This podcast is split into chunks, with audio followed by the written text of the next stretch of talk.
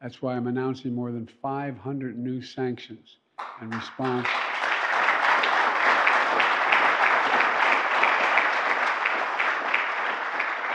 In response to Putin's brutal war of conquest, in response to uh, Alexei Navalny's death, because make no mistake, Putin is responsible for Alexei's death.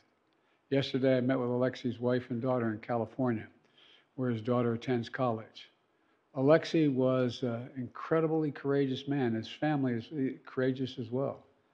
I assured them his legacy will continue to live around the world, and we in the United States are going to continue to ensure that Putin pays the price for his aggression abroad and repression at home.